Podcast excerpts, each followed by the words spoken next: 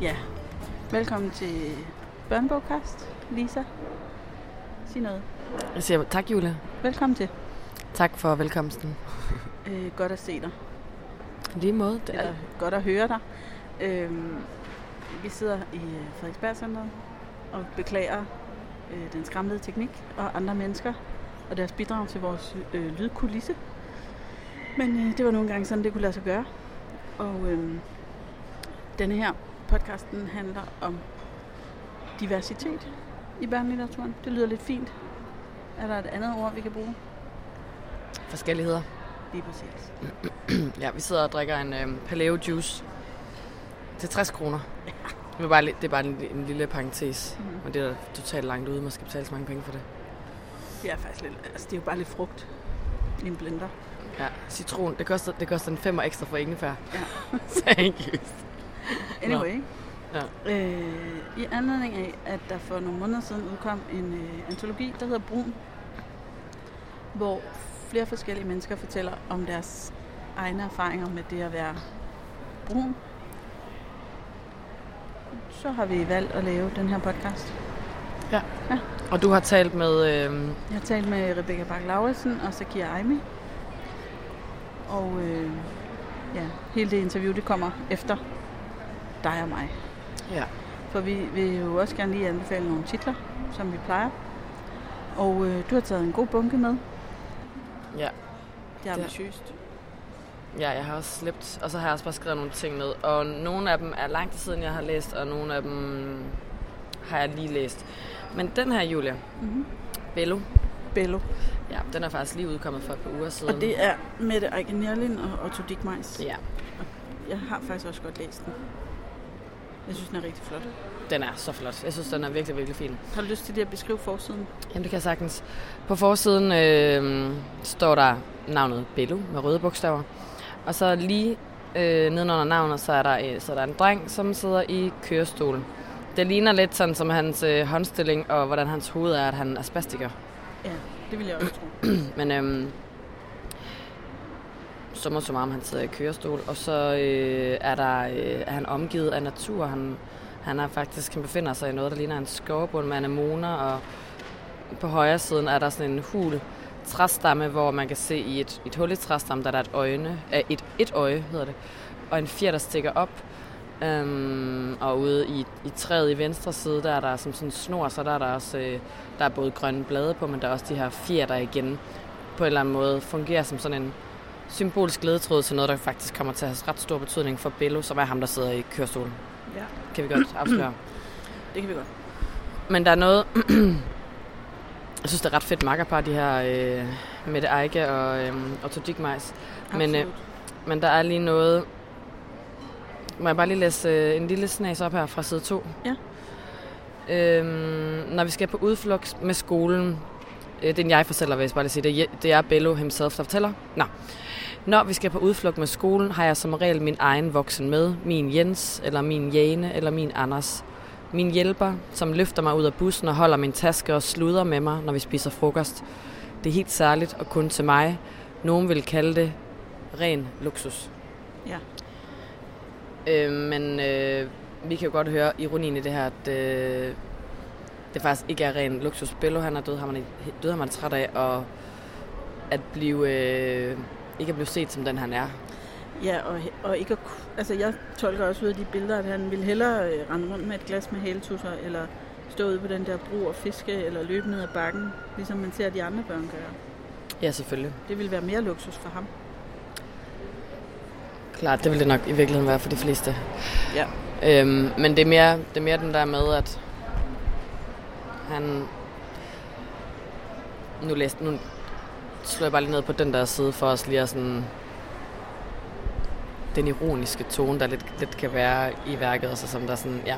Men, men det der med, at han ikke bliver set for den, det menneske, han er, men som øh, en dreng, der sidder i kørestol. Øh, og at han... Nu ved jeg ikke, om det, jeg digter ind i mit hoved, men jeg mener, at det ikke også noget med, at han altid danser med de voksne til skoleballet og sådan noget der. Eller blander den sammen med Jeg tror, hinanden. du blander den sammen med noget andet. Men det Men- kunne han lige så godt gøre, kan man sige. Og til sidst, eller længere hen i historien, så, så kører han sin vej. Ikke? Ja. så tager han sin kørestol og går, som man siger, og øh, ud i skoven, hvor han så møder en, jeg ved ikke, hvor meget vi skal afsløre, men lidt kan vi godt afsløre, ikke? Han møder en, der ser ham på en anden måde. Mm. Som Ja, som faktisk er sådan...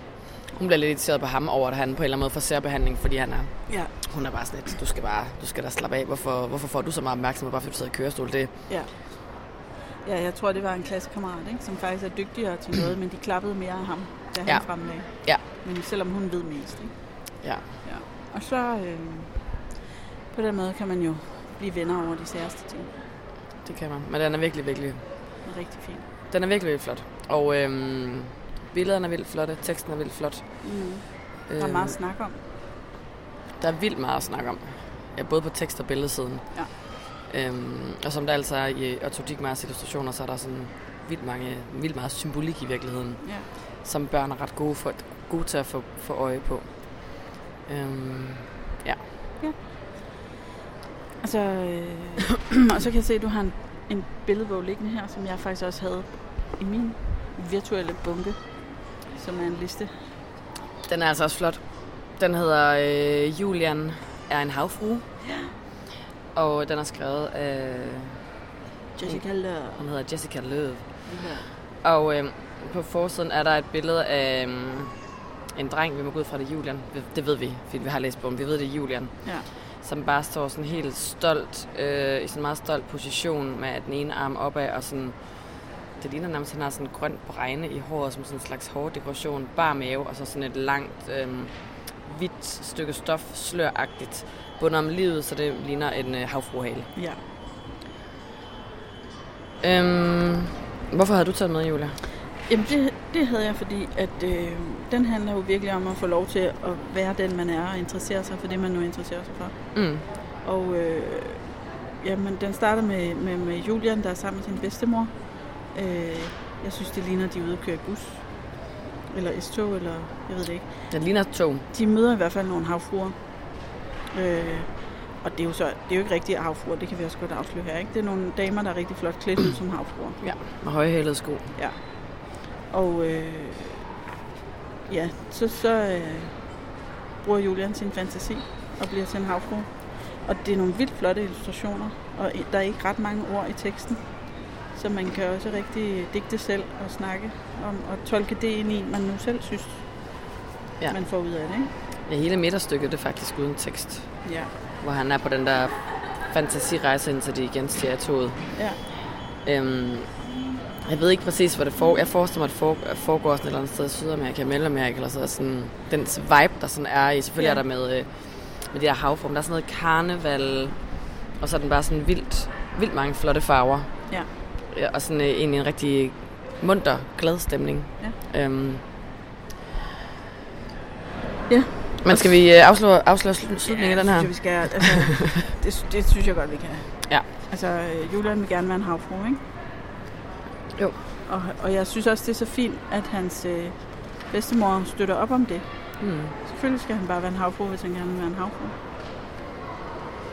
Ja, så de kreative, ham og bedstemoren, og får lavet netop det kostyme, som jeg nævnte, øh, Han, er faktisk af øh, forsidebilledet. Faktisk er det jo mest ham, der lige piller et gardin ned, mens hun er i bad, ikke? Jo, men hun giver ham bare lov til det. Ja, det gør øhm. Hun. Og så øh, giver hun ham en rigtig flot lyserød perlekæde, han også kan have på til. Oh, ja. Og så går de ud sammen, klar til fest, tror jeg.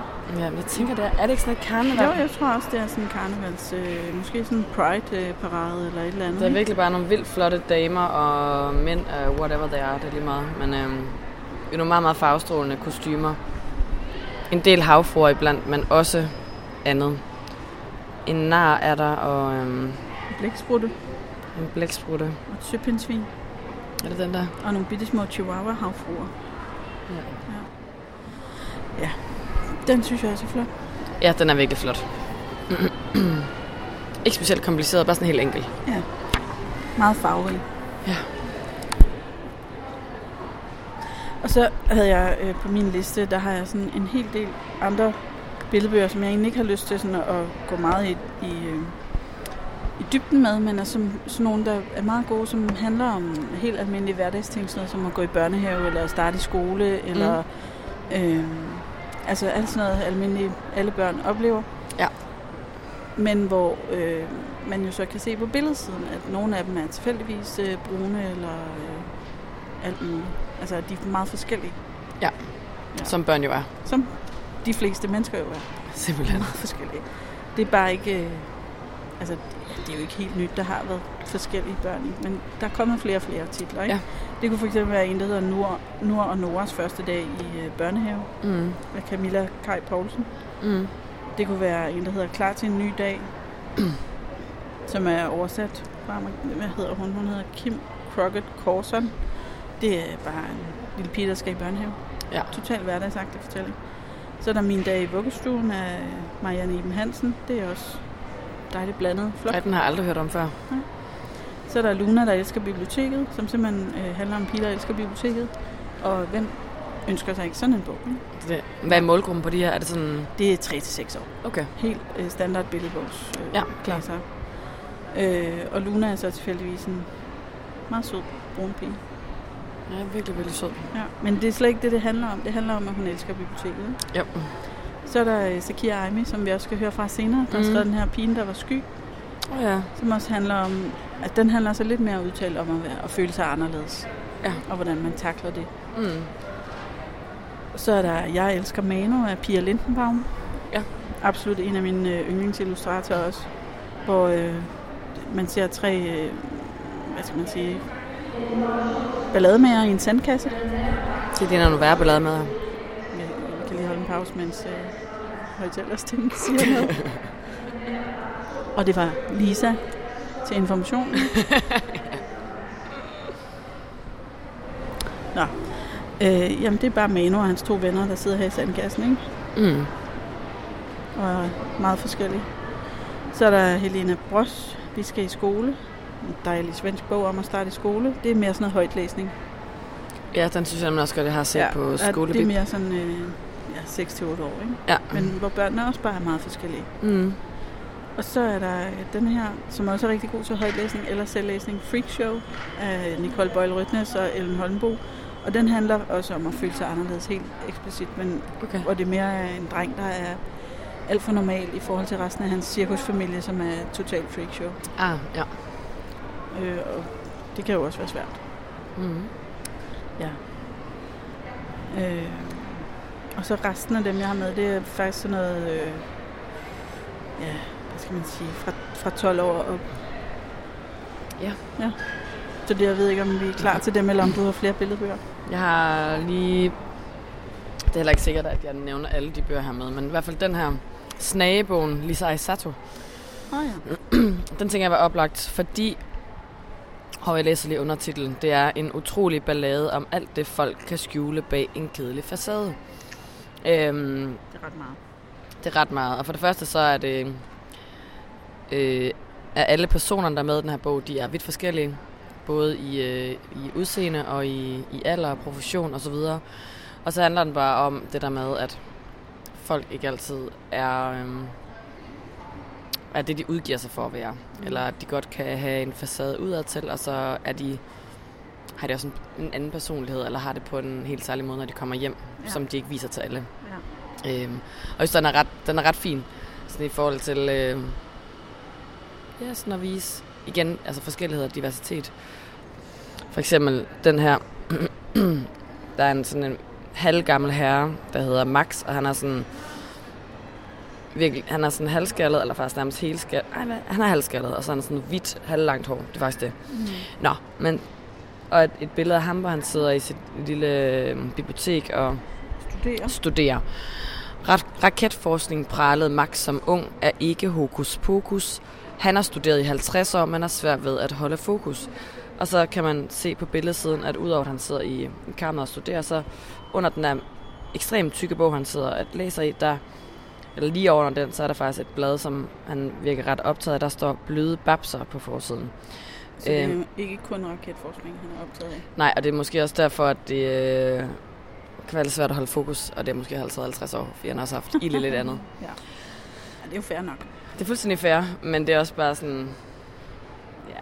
Så der, der er flere andre... Øh, der er flere andre, man møder bag facaden, øh, som er helt anderledes derhjemme, end de er ude i øh, virkeligheden. Faktisk også en rigtig god pointe, det der med, at det kan jo godt være, at man ligner alle de andre, og man til synligheden ikke har nogen problemer. Men at de fleste har jo deres eget bag facaden. Mm. På den ene eller den anden. Ja, så er der øh, Alfred, som er... Øh,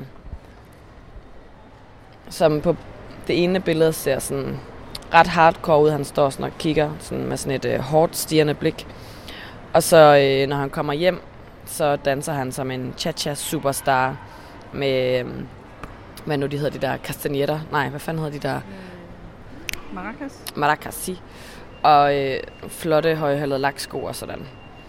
Ja. Øhm, og sådan er der øh, flere eksempler på. Der er øh, et muskelbund, bund, øh, som er sådan han er virkelig pumpet, en pumpet dude, og øh, i virkeligheden så er han, føler han sig lille og måske en lille smule ensom.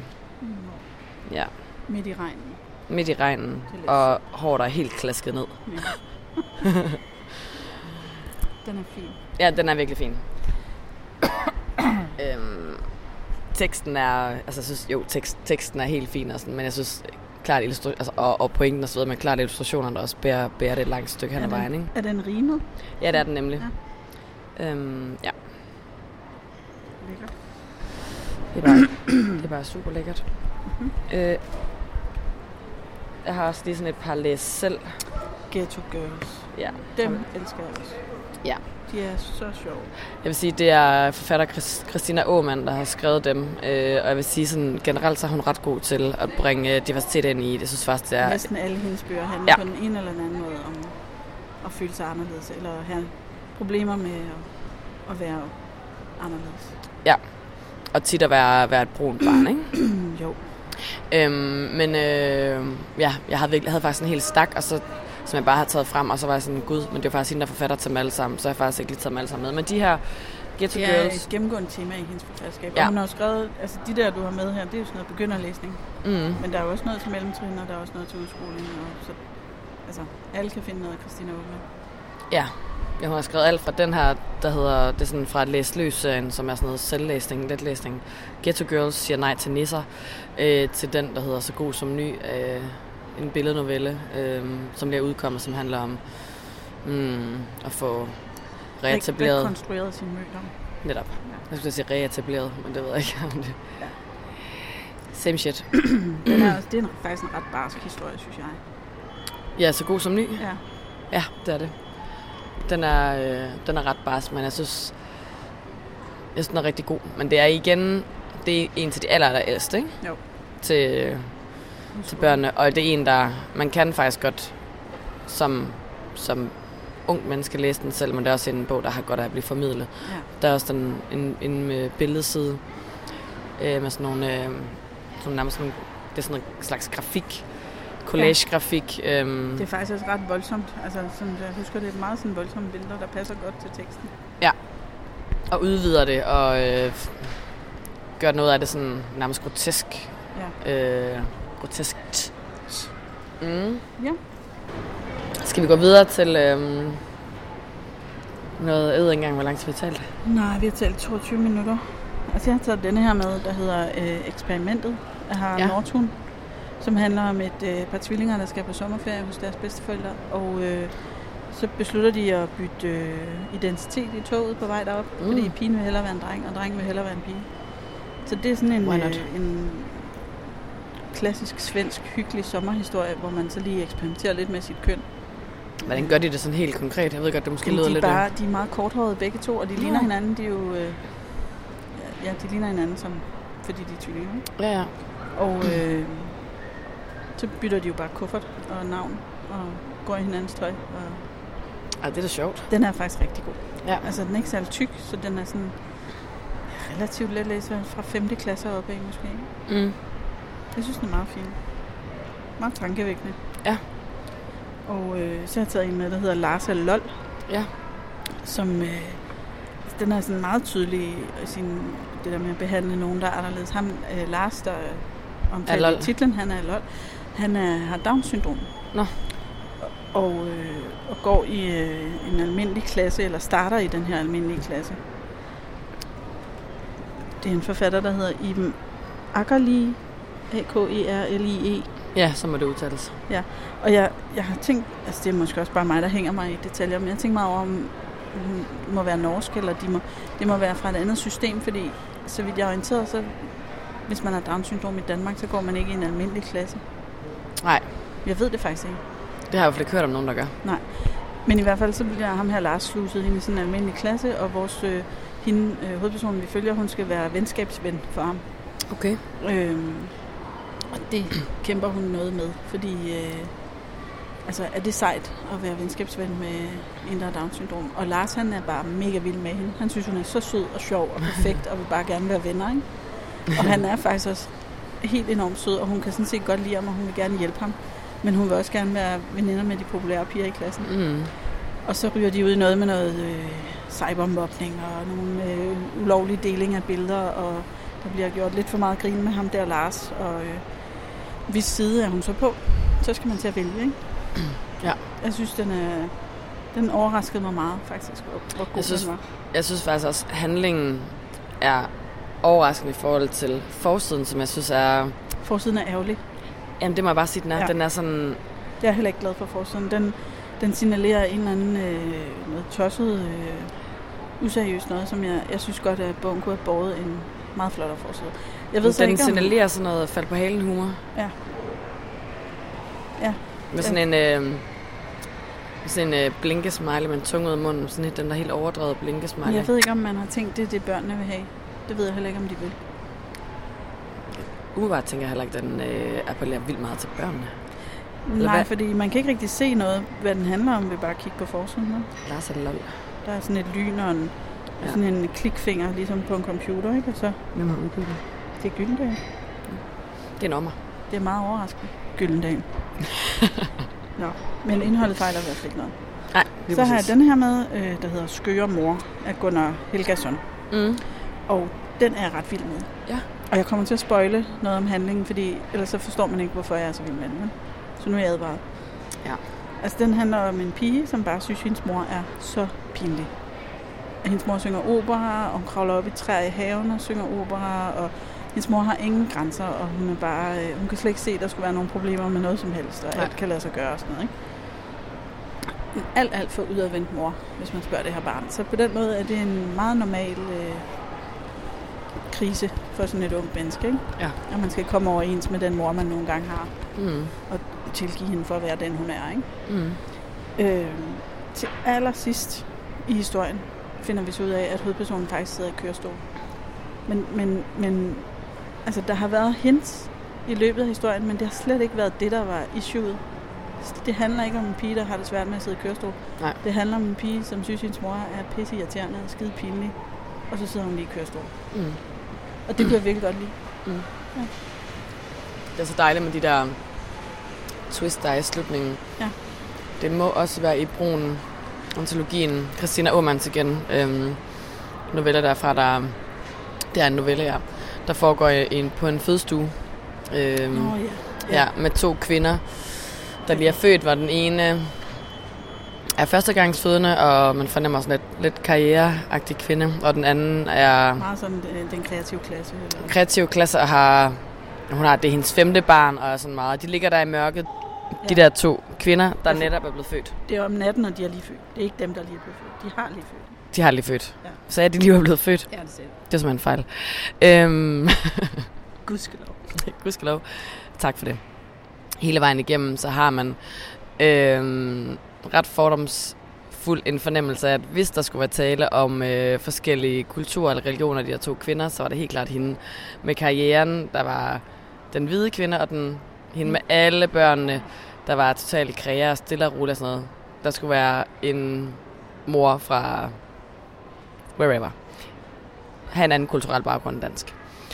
Øhm, men det viser sig om morgenen, øh, da lyset bliver tændt, at, øh, at de begge to bliver super overrasket over, hvordan, de, hvordan hinanden ser ud. Mm. Fordi det er selvfølgelig omvendt, og det gør man også som læser. Men det, men det fede er også den der måde, hun bes, altså, hvordan hun beskriver, at hovedpersonerne, de to hovedpersoner også bliver overrasket over... Øh, Ja, de bliver også selv overrasket. super overrasket. Ja, det er også øh, overraskende.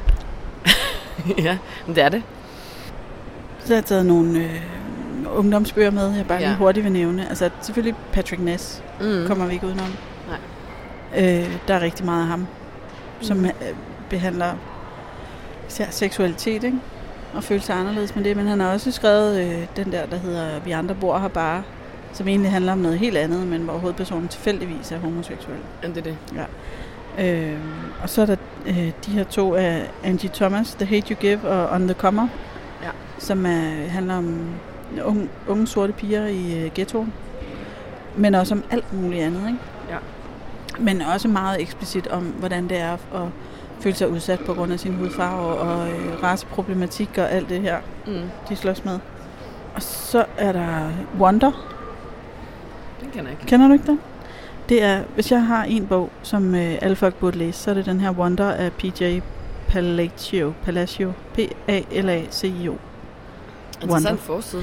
Ja, den er, øh, den er bare blå, og så er der en dreng på med et øje, hvor der står Wonder henover, og så har han meget store ører og sådan noget pandehår. Og Den er også- det den er filmatiseret. En, øh, er den det? Det ligner sådan en børnetegning, simpelthen. Jamen, Den er også filmatiseret, der, jeg tror endda, det var Julia Roberts, der spillede moren eller et eller andet. Nå, hvor sjovt. Den handler om ham her, drengen, som øh, er blevet hjemmeskolet og har været hjemme altid, fordi han er deform i sit ansigt. Han er født med nogle misdannelser. Og øh, nu skal han starte i 5. klasse, tror jeg, og så har de sammen i familien besluttet, at nu skal han gå i en almindelig skole. Øh, og så handler det jo om det med at blive accepteret og få nye kammerater og lære sig selv at kende og lære verden at kende og finde ud af, hvor ens grænser går og hvem, man, hvem vil man være i den her verden. Og Mm. med så den ekstra udfordring, at han er ikke klassisk køn at se på. Øh, men den er simpelthen, det er sådan en, øh, lad os bruge et godt gammeldags ord som hjertevarm. Mm. Sådan en dejlig fortælling. Øh, og hvis man lavede sådan en pensum over de bøger, alle folk burde læse i løbet af deres liv, så ville jeg skrive den her på. Verden ville være et bedre sted, hvis alle læste den her bog. Den hedder Wonder, også på Wonder. dansk. Den hedder også Wonder på dansk, ja. Og den handler om at være venlig og opføre sig ordentligt. Ej, hvor er det godt. Jeg elsker den så højt. Og jeg vil sige, at filmen er faktisk heller ikke dårlig. Den er ikke, øh, er det, eller er det bare mig, der har sovet timen, men er den, er den, har den været særlig meget ud over stepperne? Altså, den er kæmpestor i USA, hvor, Ja. hvor de lavede alle mulige ting i skoler og sådan noget med pay it forward og øh, være venlig. Og øh, ham der Orgi, som er hovedpersonen, blev sådan et kæmpe idol for mange børn. Og Gud, den har været virkelig stor der. Jeg, ved- jeg forstår ikke, at den ikke er blevet lige så kæmpe i Danmark, men vi kan jo give den en, en, øh, Et anden boost her. omgang. Ja, det synes jeg. Mm. Og øh, man kunne også roligt læse den i, øh, i udskolingen, for eksempel, hvor, hvor den, det er jo en lidt tyk bog, ikke? men i udskolingen som, som værklæsning, der er simpelthen så meget at arbejde med at snakke om. Voksne kan læse den. Man kan læse den højt for sine 10-årige. Altså, det er en meget, meget bred fortælling. Alle skal læse den. Politikere, skolelærer, Præster præster, min mor. Alle skal læse den. og din far. Og min far. Ja, han må også godt. Øh, jeg har øh, to bøger, som jeg også bare vil nævne, som er øh, også de ældste. Den ene, det, den hedder Venus Fluefanger, den er lige udkommet. Camilla Vandal og Karoline Ørsum har skrevet den sammen. Okay. Og Venus Fluefanger, det er jo en, øh, en plante. Ja. Som er hele omdrejningspunktet på en eller anden måde i, øh, i den her bog, øh, som er super velskrevet. Og så handler den om, om det der med at lidt at eksperimentere med, med køn. Mm-hmm. Øhm, og at måske i virkeligheden, at det ikke, man ikke behøver at træffe en beslutning om, ej, så skal du være det ene, og du skal være det andet. Men i hvert fald vil have den der usikkerhed, den der spirende seksualitet, hvad Det fanden er det ene eller det andet. Det kan jeg godt lide, du siger. Jeg, jeg synes faktisk, det er lidt synd nogle gange for dem, der leder efter en eller anden form for frihed til at være den, man er, og i den proces ender med at putte sig selv ned i alle mulige kasser. Lige præcis. Ja. Øhm, men det er Venus fluefanger, og den er, den er ikke specielt tyk, og den er sådan forholdsvis let læst, men samtidig er den, er den super fed og super spændende, og nogle fede karakterer, der er med i. Øhm, og i den sammenhæng, så er, er der også den svenske bog, der er oversat til dansk, der hedder Drengene, af Jessica Scheifauer, sådan tror jeg, man udtaler navnet. Skifarver? Scheifauer, Scheifauer, vil du sige det sådan? Nej, det er skidt. Ej, det tror jeg faktisk er meget godt, Julie. Jeg har, jeg har bikset med det navn, eller bakset med det navn i øh, en årrække. Nu kommer du bare og siger det. Mm. Schifauer. Øhm, men på forsiden er der en, øh, jeg tror også, det er en penisblomst, som, det hedder en penisblomst, vil jeg bare sige. Er det den der, der lugter helt vildt dårligt, når den blomstrer?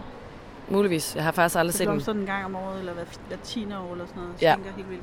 Og jeg tror også, de har dem måske i Botanisk Have. Jamen, i- jeg, jeg kan huske, der var nogle nyheder, der den blomstrede i botanisk have. Ja. Folk stod i kø for at komme ind og lugte til det der lort. Men, men i hvert fald så har den også en, øhm, en vigtig betydning, ligesom Venus fluefanger har det i Venus fluefanger, så har penisblomsten der også i, øhm, i den her øh, roman Drengene, som er altså, den er super fed, men også ret syret, og det er også, også sådan, igen sådan lidt en kønsballade. Øhm, og også, ja, måske, måske kan man kalde det magisk realisme. Har du læst den? Nej. Den er rimelig vild. Måske vil du kunne lide den. Måske. Måske. Den, den er også filmatiseret. Okay. Øhm, men den eksperimenterer i hvert fald også med det der, uden at nødvendigvis sætte folk i bokse. Mm. Og dog er der også noget sådan i forhold til, hvad, hvad er typisk det køn, og hvad er typisk det køn. I hvert fald handler den om køn og seksualitet. Øhm, det gør den ret eksplicit. Dog. Okay. Men den er fed. Ja, Ja. så er der... Jeg skal lige se. Nu er jeg Dallas København. Vi har jo interviewet øh, Peter Moll, og vi kan, ikke, vi kan faktisk ikke rigtig afsløre, hvorfor øh, den... Der er selvfølgelig masser af diversitet og forskellige typer mennesker med i, men sådan helt specifikt, så, øh, så er der også en pointe i bogen, der gør, at den virkelig spiller ind i det her tema, men det må folk jo lidt læse den Øh, for. der er man nødt til at læse den. Ja, Ja. og så bliver, det, ellers bliver det for mærkeligt lige noget. Skal jeg lige ja. nævne en, mens du tænker dig om? Gør det. Det er den sidste, jeg har taget med. Den hedder Dumplin. Ja. Og øh, er skrevet af Julie Murphy. Mm. Og øh, den handler om en pige, der er tyk. Ja. Og øh, hun har det fint med sig selv. Hun elsker sig selv og sin krop, og hun har det godt med det. Øh, men hun skal jo stadigvæk kæmpe med omverdens holdninger til, hvordan hun ser ud. Mm. Øh, hendes mor er sådan en øh, aldrende beauty queen, der har vundet alle mulige skønhedskonkurrencer. Okay. Og øh, det går hverken øh, værre eller bedre, end at øh, Dumplin hun beslutter sig for at stille op til sådan noget Miss et eller andet, der hvor de bor. Ja. Sådan en skønhedskonkurrence. Og øh, det har folk svært ved at forstå, fordi hun er jo så tyk. Men øh, altså, hvorfor ikke? Hun synes, hun er flot. Mm. Og så øh, er det også meget, øh, hvad skal man sige, der er skolens flotteste fyr, ham der øh, idrætssportshelten, som øh, klassisk alle ville være vilde med. Han bliver helt vild med Dumplin, Mm. og øh, det er hun sådan lidt, øh, nå ja, okay, det. Så dater de et par gange og kysser lidt og sådan noget, men så, så gider hun faktisk ikke rigtig det mere, fordi at det passer ikke lige ind i hendes planer for, hvad hun har tænkt sig at bruge sin tid på og sådan noget. Øhm, ja, det, jeg ved ikke, om jeg forklarer det godt nok, men den er, jeg, Jeg synes, synes, den er det godt. vildt godt skrevet. Den er så sympatisk, og, ja. og man bliver i så godt humør af den. Og jeg synes, hende der Dumplin er et pragtfuldt menneske. Ja. Den er også filmatiseret. Ja. Jeg har ikke set den. Der er heller ikke, men jeg, jeg har godt hørt rygter om det. Ja. Og det er også young adult. Ja, det er det. Ja. Det er det. Og det, hvis man nu har en stor datter, så kan man læse den begge to, og så kan man snakke om den sammen bagefter. Mm. Ja. Jeg sidder bare og kigger på min liste. Jeg har faktisk også øh, nogle flere, men, jeg, men måske skal bare... Øh, det er den her. 37 minutter. Jeg tror også, det er rigeligt, og så bliver folk jo... Kan man godt blive lidt træt i ørerne af at høre så meget. Folk bliver aldrig trætte af at høre på dig, Lisa. det gør de bare ikke. De ringer til mig og siger, hvorfor siger Lisa ikke noget i radioen? Jeg savner hende. Bare i radioen. Ja. Men nu er jeg jo... Jeg kommer til at være lidt mere med øh, her i børnebogkast igen, ikke? Jo.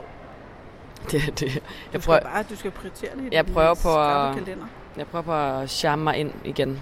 Ja. Få kontonummer senere. Jeg får kontonummeret. Senere. Nå, Så kan du charme dig ind den vej. Det er dyrt at købe bøger, Lisa. jeg bliver helt paf. Det er okay. Skal vi sige, at øh, det var det for vores øh, live-rapportage fra Frederiksberg Center. Mm. En øh, helt almindelig tirsdag eftermiddag. Det synes jeg. Det synes jeg også. Måske skal vi lige gå i boghandlen.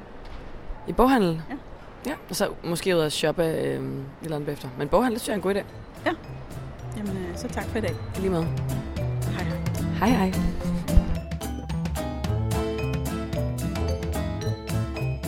Øh, velkommen til den her udgave af Børnebogkast, hvor jeg taler med Sakia Aimi og Rebecca Bak Lauritsen, som har skrevet hver et bidrag til en bog, der hedder Brun.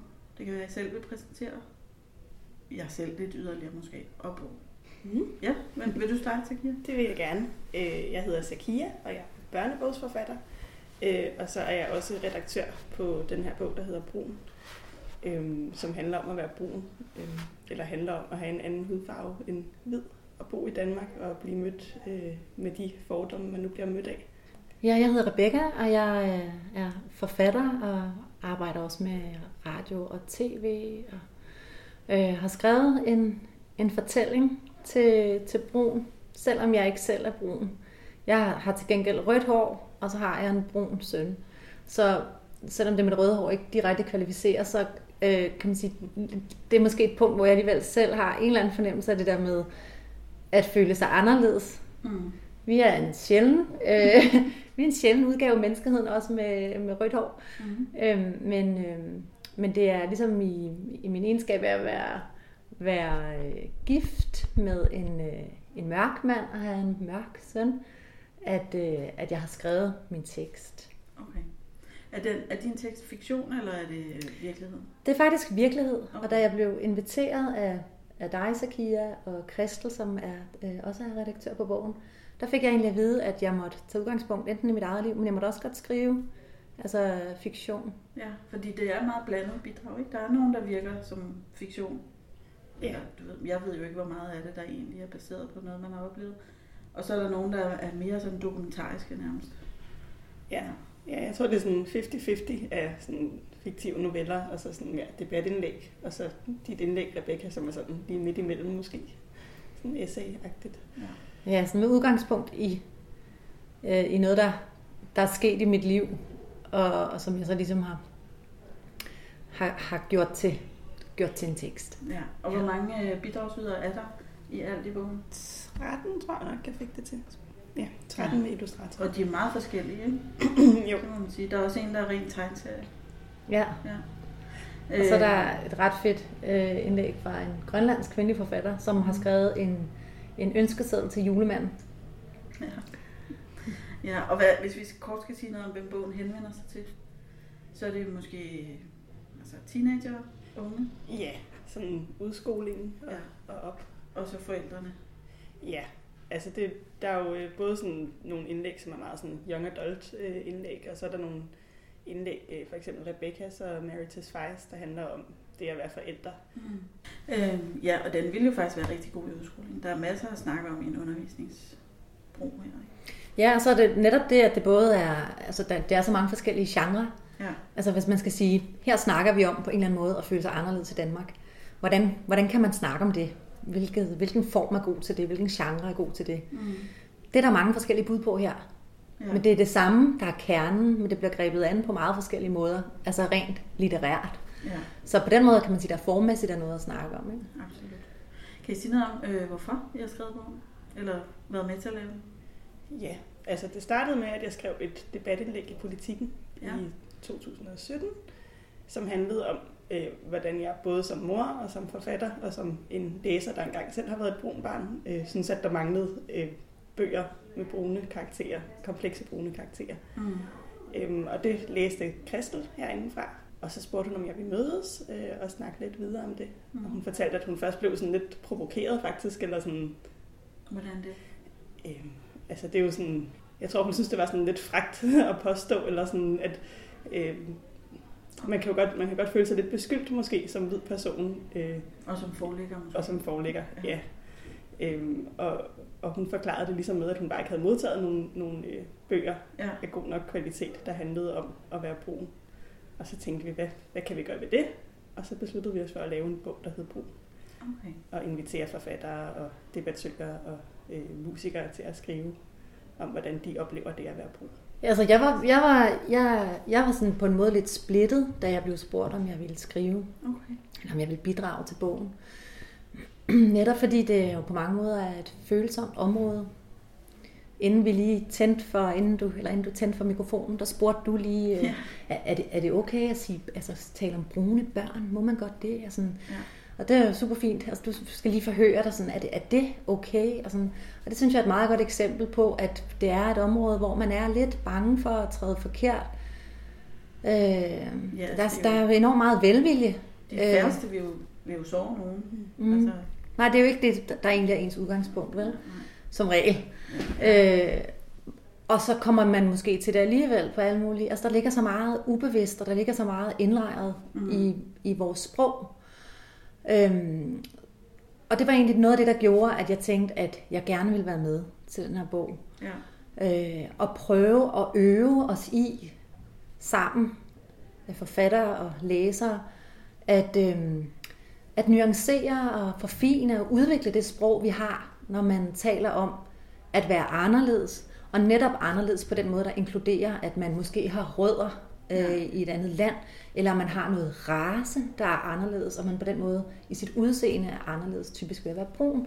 Der er man, der, der, ja, altså, der er sådan, det er sådan landminer, ikke? Altså, mm. øhm, og så får, man, så får man sagt noget, der er endnu dummere, fordi man så får undskyldt, eller, eller må man sige det, og så allerede der, og så er det hele så kompliceret. Ikke? Jo, så undgår man måske overhovedet at, at gå ind i emnet, kan man sige. Ja. Altså, så er der ikke nogen, der snakker om det. Nej.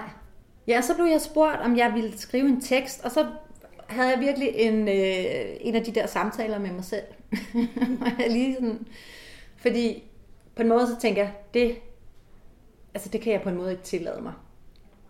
Jeg kan ikke, altså, hvordan, hvordan skal jeg sige til min mands øh, afrikanske familie, øh, som alle sammen er utrolig velformuleret. Mm. Virkelig, altså, de, de, de er virkelig altså, lækre at tale med, fordi de har så meget sprog. ikke? Ja. Altså, og udover de, altså, de er dansk-afrikanske, så de snakker dansk, og så snakker de mega fedt engelsk. Og, altså, de, de kan virkelig noget med sprog. Ikke? Mm. Altså en familie med oversætter og alt sådan noget der. Hvordan skal jeg ligesom sige til dem, at der kommer en ny bog i Danmark, der handler om at være brun? Og det er mig mm. af alle os, øh, den hvide over i hjørnet, der, der skriver det indlæg. Det, hvordan skulle jeg ligesom retfærdiggøre det? Eller... Mm. Og så prøvede jeg ligesom at tænke anderledes, at det skulle jeg ikke retfærdiggøre. Jeg skulle mere tænke, hvad er det for en, hvad er det egentlig, der ligger i den invitation? Hvad er det for en mulighed, der er for mig? Ja. Og der synes jeg så, at det egentlig, der var to muligheder. Ikke? Der var enten muligheden, at at tage udgangspunkt helt konkret i, hvad jeg selv oplever. Eller jeg kunne gå til opgaven mere som forfatter, hvor mm. det man jo hele tiden gør som forfatter, det er jo, at man, øh, man, man identificerer sig med, med et andet liv. Og det er jo det, man kan. Ja. Øh, altså, som kvinde kan man skrive om en mand, og som voksen kan man skrive som et barn, og så videre. Mm. Og der ligger så den der, kan man så også som hvid skrive som en brun? Og der mærkede jeg i hvert fald sådan min egen sådan forsigtighed, altså omkring om jeg turde det, om jeg kunne tillade mig det. Og, og jeg havde faktisk på en måde lyst til det. Men det jeg så kunne mærke, at jeg ville have lyst til, hvis det var, det var faktisk at skrive en historie om for eksempel en iransk pige. Mm. Men uden at komme ind på, at hun var iransk. Mm men, men måske i hele altså den sproglige stil, have noget med, lad hende have noget med i rygsækken øh, fra iransk litteratur. Altså der har man en helt anden, en helt anden sprogbrug, for eksempel. Ikke? Ja. Og der er mange sådan, lydord, og hvis man læser iransk poesi, så der er meget af det, den slags ordleg.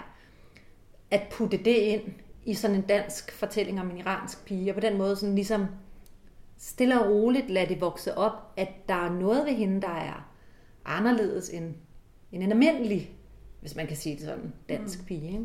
Det vil jeg faktisk synes var rigtig interessant, og tænker faktisk også på at prøve at gøre. Ja. Men lige den her kontekst, som handler om at føle sig anderledes, der synes jeg egentlig ikke, at den vil stå så stærkt, fordi her synes jeg faktisk netop, at fokus skal være der, hvor man slår sig mm. som anderledes. Og derfor så, øh, så tænker jeg over, sådan, hvad jeg havde haft af oplevelser, som, som oprigtigt ligesom havde sat sig i mig, også som noget, der var ubehageligt. Fordi der følger jo også masser af gode ting med. Mm. Altså der er jo også bare masser af nysgerrighed. Der er også masser af det der, altså at folk ikke forholder sig til, om, om min søn han er brun eller ej, men at han bare er øh, Milan mm. på fire år, som elsker de ting, han elsker. Altså sådan. Ja. Men det er jo også, du har jo, altså selvom du ikke selv er så har du jo erfaring med at have et barn, der er det. Mm. Og det er vel det, andre måske kan få glæde af at læse om. Ja, fordi jeg har i hvert fald også gjort mig nogle tanker omkring, hvor der jeg selv måske er blevet lidt stødt, eller sådan. Mm. Altså for eksempel sådan en ting som, at at der er overraskende mange, der har sagt det der til mig med, at ej, sådan en har jeg også altid gerne vil have. og det er altså folk, der selv er børn. Ja. Så det er ikke et barn, de gerne vil have. Mm. Sådan en. Og, øh, og jeg kan jo sagtens forstå, jeg kan sagtens forstå det. Mm.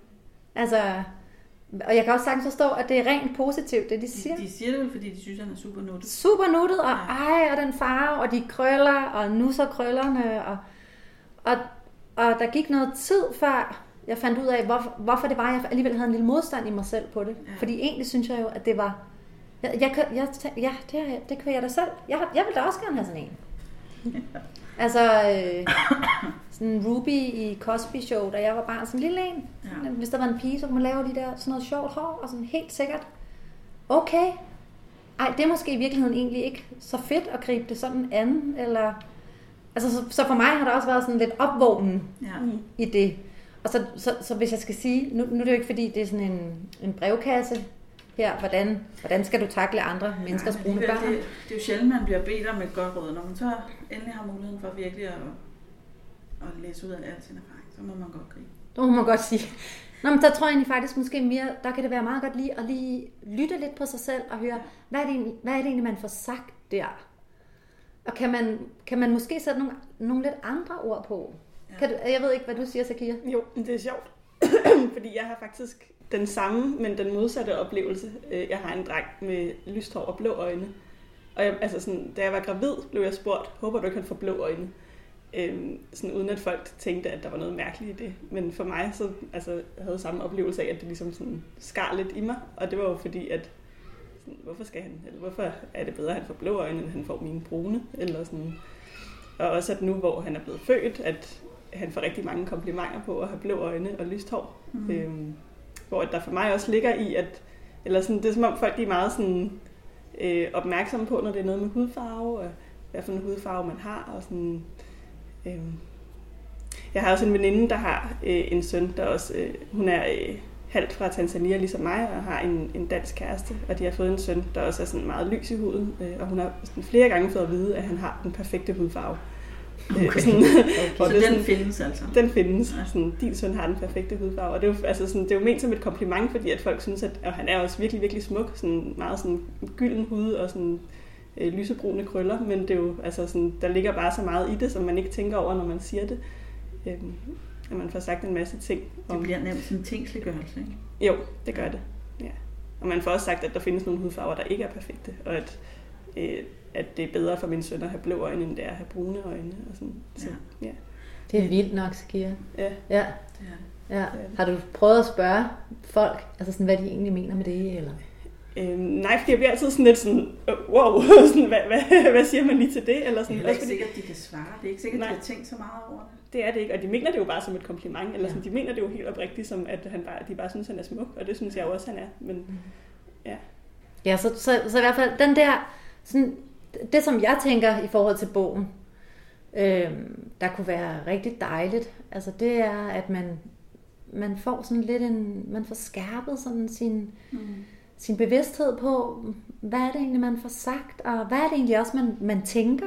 Ja. Altså, hvad er det for nogle værdier, man selv har, og øh, får sat ord på, og, og, og vil man, altså, er det egentlig det, man gerne vil, eller kan man, gør man nogen lidt kede af det der, eller er man lidt, lidt skæv i sit værdisæt der, eller, altså, så egentlig kan, synes jeg, den kan være, det at få det indblik i så mange forskellige menneskers oplevelser med at være brune, Mm. i alle mulige nuancer øh, i den her bog, det gør faktisk, det, det kan jeg også mærke af at læse den, at man lige sådan tænker sig om en ekstra gang. De og det også er en meget gave. forskellige. Ja, Altså, der er også hende uh, Mary. Den, det tænkte jeg meget over, at, at uh, hun skrev noget om, at, at det hjalp hende ikke engang selv at være brun, og hendes mand var brun, og, og de var glade for dem selv. Og alligevel så havde hun en fireårig datter, der ville have sit hår glattet, og ikke synes, at hun var god nok, som hun var. Det er alligevel også, det må være en vild oplevelse. mm, ja. Altså, og så skulle til at kigge ind af på den måde og sige, okay, selvom at jeg, vi lever i en familie, hvor vi alle sammen ligner hinanden, så synes du stadig ikke, du er god nok. Eller, og hvor kommer det fra? Mm. Altså, ja, og så holder hun sig selv op med at glatte sit hår. Det kan jeg så godt forstå, fordi det er jo det samme som, man skal heller ikke gå derhjemme og sige, at man har en tyk mave, hvis man gerne vil have ens Mm. børn Men det er et godt spørgsmål. Hvor kommer det fra? Ja. Fordi det er ikke sikkert, at der er nogen, der har sagt til hende, du ser forkert ud. Det kan lige så godt være noget med, som du også snakkede om, Sakia. Øh, hvad er repræsenteret? Ja. og hvis de fleste sådan, øh, pigeforbilleder Ja. er lyse, så er det bare den vej, man gerne vil, ikke? Ja, Altså, så, øhm, så, så, så, så simpelt tror jeg faktisk nogle gange, det er. Det tror jeg også. Ja. Så vi mangler stadig flere billedbøger og børnebøger med brune børn i helt almindelige hovedroller. Det synes jeg. Jeg har også nogle gange bedt illustratoren om at farve nogle af karaktererne brune i mine børnebøger, faktisk. Ja. Fordi de har fået mit manuskript, hvor der ikke står noget om, om hudfarven, og så er de bare gået ud fra, at det er et hvidt barn. Ja. Fordi det er bare sådan default indstillingen, eller sådan, at nu skal, nu skal jeg finde den hudfarvede farve. Jamen, det er det. Og hvis man ikke selv har haft nogle oplevelser med, så tænker man ikke over det. Nej. Så er det bare... Men det er også fair nok. Altså, jeg mener, det, det er jo en udvikling. Og, og det, er jo et, det er jo nogle stærke, gode skridt, der er blevet taget, at man, vi begynder at snakke om det. Ja. Øh, så skal man lige øh, ind i kampen. Hvad, okay, hvad vil det så sige? Hvad gør man så? Ja. Altså, men, øh, men det, det er fair nok, at man lige skal vågne op. Mm. ja. Altså, Jeg, jeg var til et eller andet foredrag engang, hvor der også blev efterlyst flere historier om øh, anden generations indvandrere og tredje generations, øh, også med arabisk baggrund og sådan noget. Hvor, hvor at, øh, jeg egentlig tænkte bagefter, jamen de skal jo også lige blive voksne. Altså de skal lige blive voksne, så skriver de de bøger. Mm. Fordi igen, kan, kan, vil jeg kunne skrive sådan en bog troværdigt? Det kan jeg så ikke, for jeg er ikke forfatter, men måske kunne du, Rebecca. Men, men, øh, men stadigvæk, så tror jeg, at vi vil se flere og flere af sådan nogle titler efterhånden, som alle de børn, der har de her oplevelser tæt på og er vokset op med de erfaringer, selv begynder at skrive bøger. Og Men jeg tror, du har meget ret i, at der sker noget med generationsskifte. Altså, jeg har for eksempel en noget yngre fætter. Altså, han er, han er omkring 20 nu. Mm. Og han har, øh, han har en god, han er, bor i Hvidovre, og han har en god blandet venneflok. Og det har hans storebror også. Altså, den der, alle nuancer. Og der kan jeg bare huske på et tidspunkt, hvor han lige snakkede med, eller med hans mor skulle fortælle et eller andet.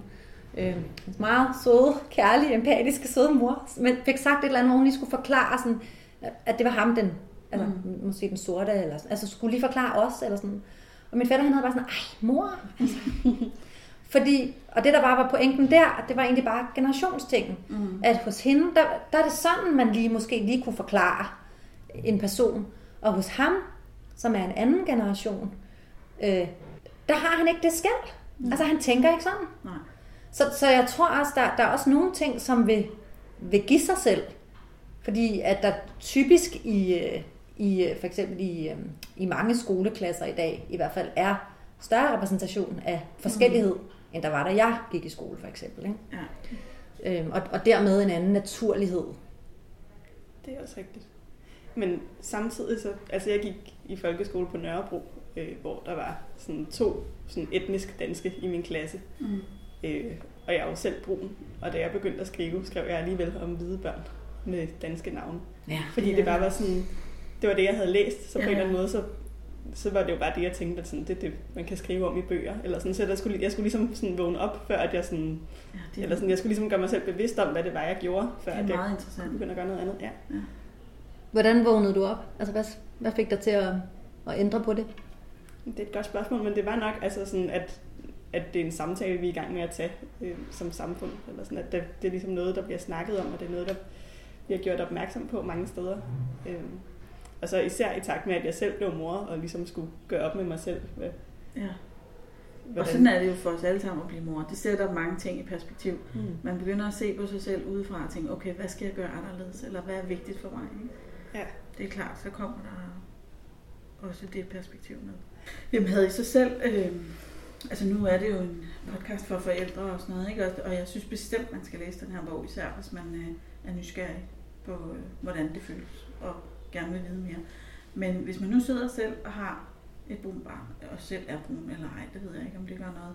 Men, men ja, man møder dem jo også på biblioteket nogle gange, hvor, hvor de specifikt spørger efter en bog om et helt almindeligt barn, der går i børnehave eller i skole, men som er adopteret eller har en anden hudfarve. Sakia har skrevet Ja. historien om pigens sky. Ja. Altså, og, og den står på min sons øh, Ja. reol. Øhm, og det er et godt eksempel. Og øh, altså, altså, jeg kender ikke så mange. Nej. Jeg synes, jeg ser en del titler fra Sverige, faktisk. Det er, de er måske også nogle gange lidt længere fremme i dialogen. Ja.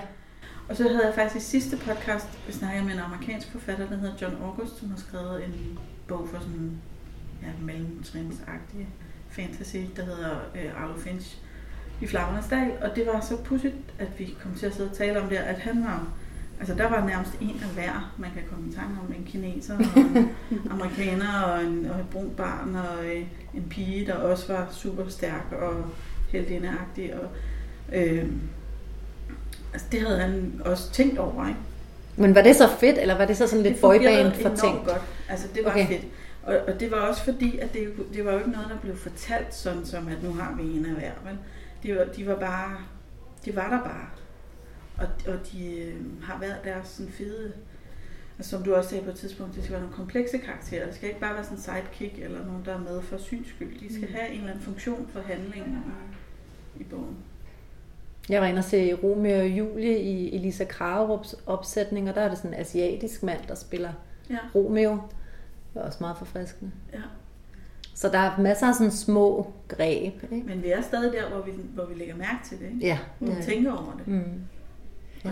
Der går nok nogle år før, det bliver noget, man slet ikke lægger med. Ja, det er du ret. Og så sådan, altså Harry Potter, det er jo også et eksempel på, at sådan, at folk bare har læst. Sådan, det gjorde jeg det også, da jeg læste den, at jeg læste bare, at Hermione var hvid, selvom at det ikke mm. står nogen steder. Det står ingen steder. Ja. De nævner hendes krøller, ja. og det er sådan set det eneste beskrivende, der er. Ja.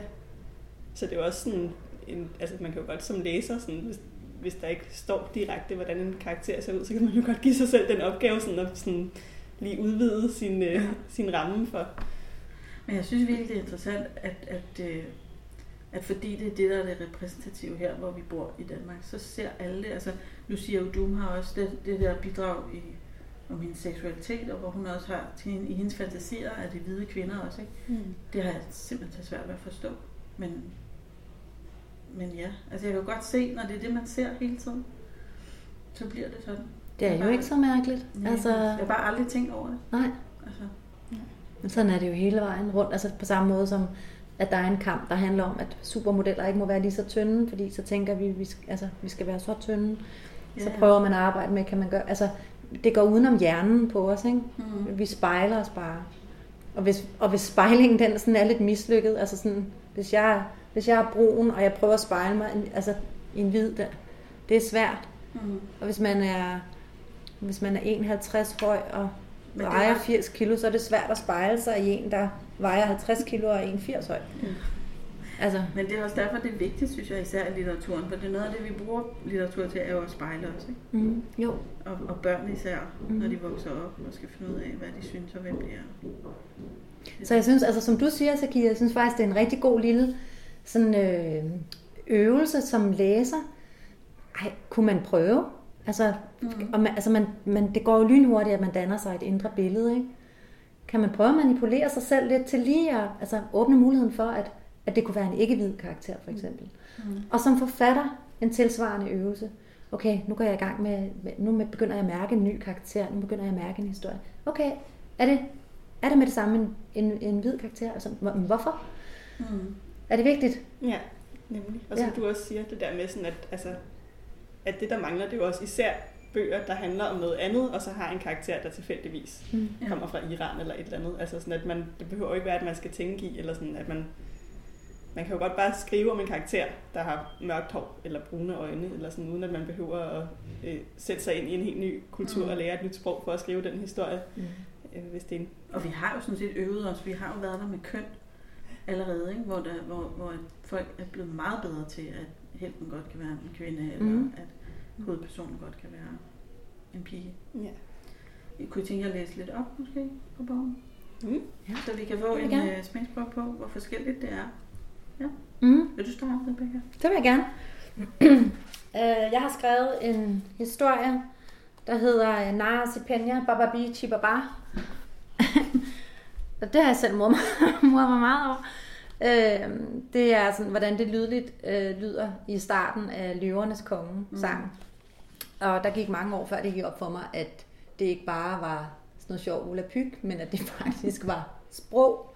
Og det, det, det synes jeg sådan i sig selv var sådan lidt sigende for, øh, hvordan man, øh, man bare er sin, sin egen baggrund nærmest på en eller anden måde. Ikke? Mm. Nå, aha, når, kan det, når det kan også være et sprog. Mm, okay. Øhm, og det er en lille fortælling, øh, som, som handler om øh, min mand, Senka, og vores fælles barn, Milan. Vi har begge to to børn hver fra før. Okay. Øhm, og øh, og øh, her hvor jeg lige læser op i historien, det er, det er slutningen, som bare er handler om, om min mand og min søn. En dag ventede vi på kaffe i lavkagehuset. En herre, nok midt i 50'erne, havde udset sig min søn. Han virkede flink, ikke noget der, men han var godt op og køre over de små krøller og klappede ham på hovedet, grinede, klappede, klappede. Ja, sagde han. Der var en del mennesker. Jeg tænkte, jeg ville trække min søn stille og roligt hen til mig, for at lade ham få lidt fred. Men det nåede jeg ikke. Min mand begyndte at hoppe rundt, ligesom den anden mand havde gjort. Små, fjollede, opstemte hop. Jaha, sagde han, og grinede og klappede manden oven på hovedet, nulrede hans hår, hæv fat i det, dansede rundt om ham. Jaha, klap, klap. En dame kom ind ad døren. Jeg så hende stoppe op. Ikke ligefrem forskrækket, men alligevel. Hun stod helt stille og kiggede. På min mørke mand, der hoppede op og ned og klappede en hvid mand på hovedet.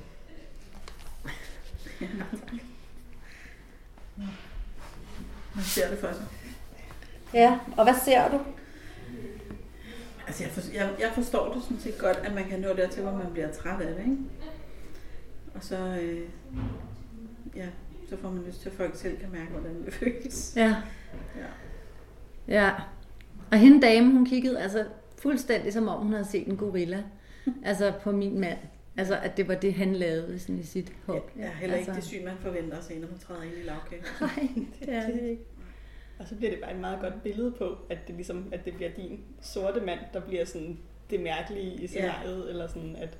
Ja, det er også paradoxalt, ikke? Ja. Ja. Ja.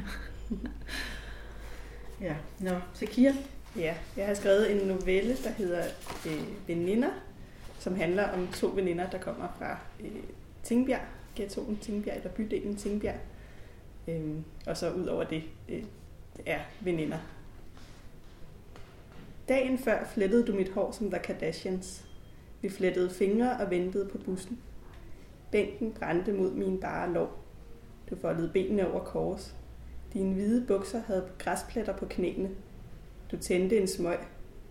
Den kommer altså lige om lidt, sagde jeg. Du rullede øjne og sugede kinderne sammen om cigaretten.